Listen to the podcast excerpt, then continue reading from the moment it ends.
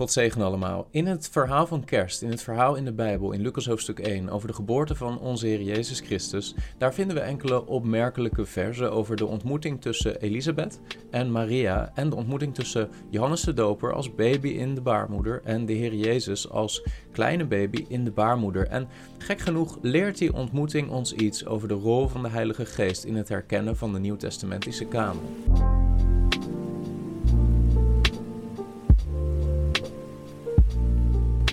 We gaan lezen over stuk 1 van Lucas vanaf vers 34. We vallen binnen midden in de dialoog tussen de engel Gabriel en Maria. Dan staat daar: Maria zei tegen de engel: Hoe zal dat mogelijk zijn, aangezien ik geen gemeenschap heb met een man? De engel antwoordde en zei tegen haar: De Heilige Geest zal over u komen en de kracht van de Allerhoogste zal u overschaduwen. Daarom ook zal het heilige dat uit u geboren zal worden, Gods zoon genoemd worden. En zie, uw nicht Elisabeth is eveneens zwanger van een zoon in haar ouderdom. Dit is de zesde maand voor haar die onvruchtbaar genoemd werd. Want geen ding zal bij God onmogelijk zijn. Maria zei: Zie, de dienares van de Heer, laat mij geschieden overeenkomstig uw woord. En de engel ging van haar weg. Vers 39. In die dagen stond Maria op en reisde haastig naar het bergland, naar een stad van Juda. En ze kwam in het huis van Zacharias en groette Elisabeth. En toen Elisabeth de groet van Maria hoorde, let goed op, gebeurde het dat het kindje opsprong in haar buik. En Elisabeth werd vervuld met de Heilige Geest en zij riep met luide stem en zei: Gezegend ben je onder de vrouwen en gezegend is de vrucht van je buik. En waaraan heb ik dit te danken? Dat de moeder van mijn heren naar mij toekomt. Want zie, toen het geluid van je groet in mijn oren klonk, sprong het kindje van vreugde op in mijn buik. En zalig is zij die geloofd heeft. Want wat haar van de kant van de Heere gezegd is, zal volbracht worden. Wat interessant is, is dat op dit moment van deze ontmoeting tussen Elisabeth en Maria is Jezus eigenlijk nog een hele kleine embryo, een hele kleine baby, een kleine klompje cellen in de baarmoeder van Maria. En we lezen dat Johannes de Doper op dit moment in de baarmoeder zit van Elisabeth en een zes maanden oude baby is in de baarmoeder. Jezus is op dit moment ondanks dat hij nog maar een heel, heel klein en eigenlijk net verwekt babytje is, um, is hij ontologisch gezien de vlees geworden zoon van God. Hij is verwekt door de Heilige Geest. Uh, Maria is zijn moeder. De Heilige Geest uh, is de, de middelaar van de conceptie. De Vader, God de Vader, is zijn vader. En um, ontologisch is hij dus al de zoon van God, die vlees geworden is, ondanks dat hij nog niet geboren is. Maar menselijk gesproken is hij op dit moment nog volkomen onherkenbaar. Hij zit nog in de baarmoeder, dus de buitenwereld kan Jezus nog helemaal niet zien. Uh, niet met uh, natuurlijke ogen. Um, hij is nog vormeloos. Hè? David heeft het over zijn vormeloos begin, wat de Heer al gezien heeft. Maar Jezus is net verwekt, dus hij is echt nog...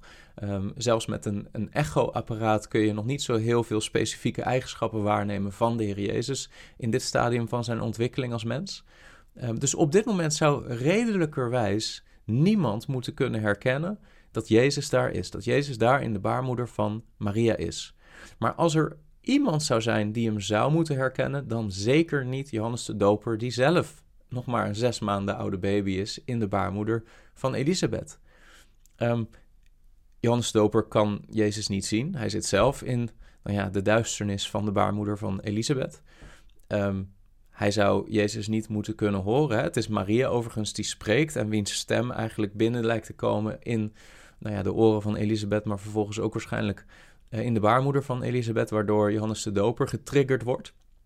Um, maar als er ook maar iemand is die Jezus zou herkennen in, in dit stadium, dan zou het absoluut niet Johannes de Doper moeten zijn, menselijk gesproken niet. En toch is het zo dat Johannes de Doper op het moment dat de stem van Maria komt in de oor van Elisabeth. Dat het Johannes de Doper is, het kleine babytje van zes maanden oud, die opspringt van vreugde. En Elisabeth bemerkt binnenin haar een beweging. Een beweging uh, die, die zij niet redelijkerwijs kan verklaren, maar die wel getriggerd wordt door de stem van Maria en door datgene wat in Maria zit. En, en datgene wat wat eigenlijk Jans de Doper in beweging brengt, nu al als zes maanden oude baby in de baarmoeder, is het getuigenis van de Heilige Geest. We lezen hè, vers 41, toen Elisabeth de goed van Maria hoorde, gebeurde het dat het kindje opsprong in haar buik. Het is niet alleen maar een soort uh, beweging. Het is niet dat het kindje alleen maar even schopt, maar hij springt op van vreugde. Als je het goed bestudeert, dan, dan zit er iets in van een vreugdevolle beweging. En dan lezen we: Elisabeth werd vervuld van de Heilige Geest. Ze riep met luide stem en zei: Gezegend ben je onder de vrouwen en gezegend is de vrucht van je buik. En dan zegt ze achteraan: waarom heb ik, waaraan heb ik te danken dat de moeder van mijn Here naar mij toe komt? Dus meteen door de vervulling van de Heilige Geest die Elisabeth ervaart, erkent ze dat er een kindje zit in de buik van Maria, in haar baarmoeder. Maar niet alleen dat, er komt ook meteen een duiding. Dat kindje is niet alleen maar uh, een kindje. Het is niet zo dat Maria simpelweg zwanger is. Nee, dat kindje is de Here van Johannes de Doper. Dat kindje is de Here van Elisabeth. En meteen uh, door het getuigenis van de Heilige Geest wordt Elisabeth vervuld van ontzag voor het gezag van dat babytje wat in de baarmoeder zit van Maria. Dus er zit gelijk een erkenning van gezag in. Wat leert dit verhaal ons nou eigenlijk precies over het zelfauthenticerend model voor canoniciteit? misschien vind je dit wat ver gezocht, dit bruggetje, maar ik denk dat je hier een principe tegenkomt van de manier waarop God zijn gezag demonstreert, zoals hij dat ook heeft geproduceerd in de schrift. Um, want we hebben het eerder dit jaar in verschillende video's gehad over een zelfauthenticerend model van canoniciteit. En ik heb het meermaals met jullie gehad over uh, hoe weten we nou eigenlijk als christenen dat die 27 boeken die wij vandaag de dag in ons Nieuwe Testament vinden, dat die daar thuis horen. Dat die ook daadwerkelijk voortgebracht zijn door de Heilige Geest, uitgeademd door God, de adem van God bevatten, de stem van de Heer bevatten en dus gezaghebbend zijn. En ik heb uitgelegd enkele componenten van dat model. En dat begon eigenlijk bij providentiële blootstelling. Hè? Dat God in zijn voorzienigheid de kerk heeft blootgesteld aan die schriften die de stem van de herder bevatten. Ehm, God heeft ervoor gezorgd dat zijn woord, zijn zelfopenbaring, dat de gemeente daar ook aan blootgesteld wordt. Dus uh, boeken die in het Nieuw Testament thuis horen, zijn boeken waaraan de Heer ons op voorzienige wijze heeft blootgesteld. Er kunnen niet bepaalde boeken zijn uh, die onbekend zijn voor de gemeente, waarvan God wel de bedoeling had dat de gemeente die zou kennen omdat ze zijn stem bevatten. Nee, het is een intrinsieke eigenschap van God spreken dat God, wanneer hij zijn woord zendt, ervoor zorgt dat zijn woord ook beschikbaar wordt voor zijn volk. Dus dat noemen we providentiële blootstelling. Dat was de eerste eigenschap. Tweede overkoepelende term van eigenschappen is attributen van canoniciteit. En dat wil zeggen dat de schrift zelf bepaalde eigenschappen heeft op grond waarvan wij de schrift als zodanig kunnen herkennen. En dat zijn bijvoorbeeld hè, de, de, de attributen uh, van, van de schrift, goddelijke eigenschappen van de schrift in de vorm van de schoonheid van de schrift, of de kracht van de schrift, of de innerlijke consistentie en harmonie van de schrift. Daar heb ik allemaal video's over gemaakt. Maar bijvoorbeeld ook de apostolische oorsprong van nieuwtestamentische geschriften. Hè, waardoor we weten dat uh, bepaalde geschriften, omdat ze terug te herleiden zijn op een apostel of op de generatie van apostelen en de directe metgezellen van apostelen, dat die geschriften gezaghebbend zijn omdat Jezus zijn gezag heeft gedelegeerd aan die apostelen.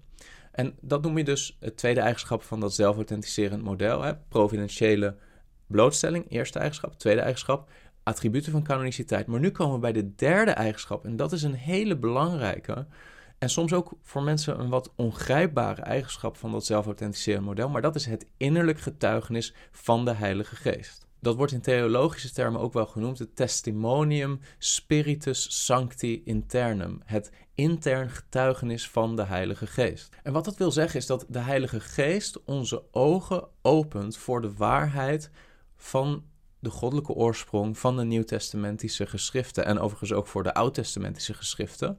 Maar we zijn nu vooral bezig met de Nieuwtestamentische kanon. De Heilige Geest opent de ogen van de blinde zondaar om de schrift te zien. En niet alleen maar de schrift als in de letters en de boeken van het Nieuw Testament, maar daardoorheen te zien wat daarin zit. En wat zit daar dan in? Wat daarin zit is een door de Heilige Geest voortgebrachte openbaring van God.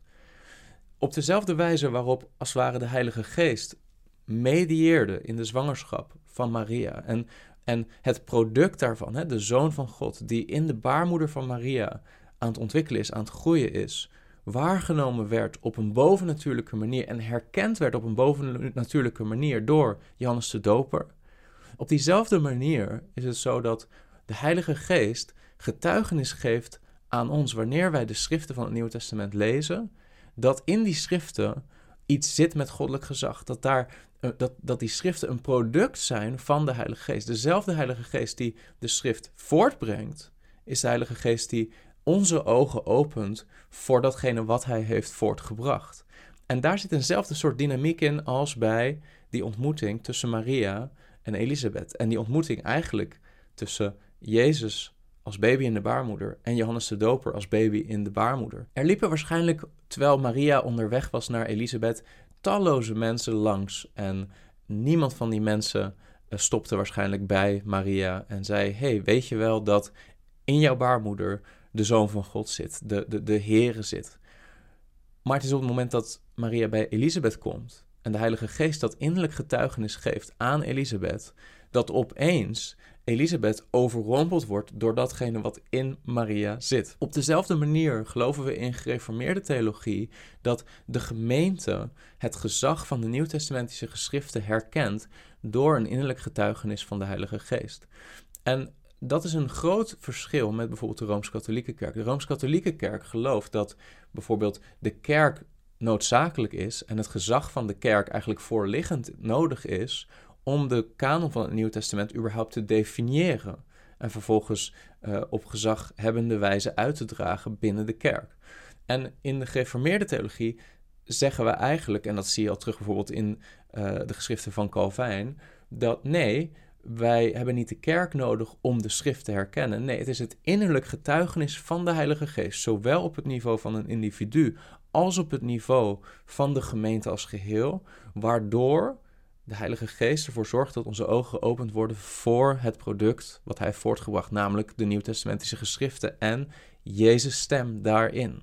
En nu kan je een interessante discussie hebben weer als je kijkt naar Elisabeth en Maria. Want um, waar begint nu eigenlijk deze herkenning van Jezus? Is dat op dat moment in het feit dat Hij uh, de Zoon van God is, hè? Dat, dat wat Hij ontologisch is? Of is dat in het feit dat de Heilige Geest in de baarmoeder Johannes de Doper overtuigt van de realiteit van dat wat Jezus is? En het antwoord is eigenlijk dat dat allebei tegelijkertijd waar is. En op dezelfde wijze is het zo dat de Nieuwtestamentische geschriften bepaalde eigenschappen hebben waardoor die Nieuwtestamentische geschriften ontologisch voortgebracht zijn door God en het gezag van God bevatten.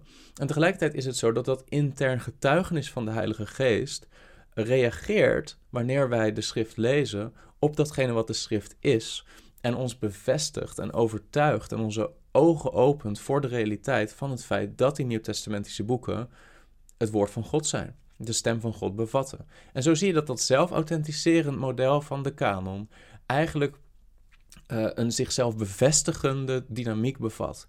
De nieuwtestamentische boeken herkennen wij als zodanig. Waarom? Omdat God de gemeente providentieel heeft blootgesteld aan die boeken. Dus Gods voorzienigheid speelt daarin een rol. Twee, omdat er bepaalde innerlijke eigenschappen zijn van die geschriften die bewijzen en aantonen dat het daadwerkelijk door God geïnspireerde geschriften zijn. En ten derde, de dynamiek waarbij de Heilige Geest in ons ons overtuigt van het feit dat de schrift is wat het is. Dat we die eigenschappen als zodanig herkennen. En op het moment dat die bevestigende rol van de Heilige Geest niet werkzaam is in de lezer, dan kan het zomaar zijn dat je eraan voorbij gaat. Dat je de Nieuwtestamentische geschriften leest en dat het je niet raakt, dat je uh, niet herkent de eigenschappen die God daarin gelegd heeft.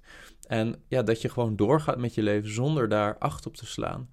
Maar er zijn ook mensen die beginnen het Nieuwe Testament te lezen en die worden op dat moment overvallen door een interne beroering, waarin ze herkennen: hierin zit de stem van God, hierin zie ik de zoon van God. En dat is het werk van de Heilige Geest. En daarom is het ook zo belangrijk als je predikant bent of spreker bent voor een gemeente, dat datgene wat je predikt, dat dat de schrift is, dat dat het woord van God is. Want op het moment dat een predikant voor de gemeente staat, een dienaar van de Heer voor de gemeente staat. En het woord van God predikt zoals het geschreven staat, hè, een schriftgedeelte uit het Nieuwe Testament of het Oude Testament predikt. En de gemeente blootstelt aan dat woord van God, dan mogen wij verwachten dat de Heilige Geest mede getuigenis geeft aan datgene wat gepredikt wordt. En dan kunnen we zien dat mensen in beweging worden gebracht. Dat de Heilige Geest in de harten van de mensen, net als bij Elisabeth, net als bij Johannes de Doper, een bevestigende beweging veroorzaakt, waardoor er blijdschap komt in de harten van mensen. En de overtuiging, de innerlijke overtuiging komt van de waarheid van datgene wat gepredikt wordt. Maar dat kan alleen op het moment dat de predikant ook daadwerkelijk Gods woord predikt en de nieuwtestamentische geschriften uitlegt zoals God ze geïnspireerd heeft. Ik hoop dat je ziet dat deze ontmoeting tussen Elisabeth en Maria ons iets leert over de wijze waarop de Heilige Geest bevestiging geeft aan datgene wat hij zelf heeft voortgebracht. Dat zoals de Heilige Geest Elisabeth liet zien en Johannes de Doper liet zien dat in de baarmoeder van Maria de Zoon van God zat, die de Heilige Geest door de Heilige Geest ook was voortgebracht. Op dezelfde wijze, nu vandaag de dag, wanneer iemand de Bijbel leest, het Nieuw Testament leest, dat de Heilige Geest in het hart van die lezer een bevestiging kan geven van datgene wat hij heeft voortgebracht, namelijk de door God geïnspireerde schrift. En dat dat ons iets leert over dat zelfauthenticerend model voor canoniciteit. En dat is misschien wat ongrijpbaar, omdat het het werk is van de Heilige Geest. Maar het is wel de manier waarop God zijn zelfonthulling openbaart aan kleine kinderen. Ik hoop dat je hier wat aan hebt. God zegen. Heb je iets gehad aan deze video? Druk dan op like, dan zullen meer mensen deze video zien. En wil je vaker dit soort apologetische video's zien? Abonneer je dan op dit kanaal. Tot de volgende keer.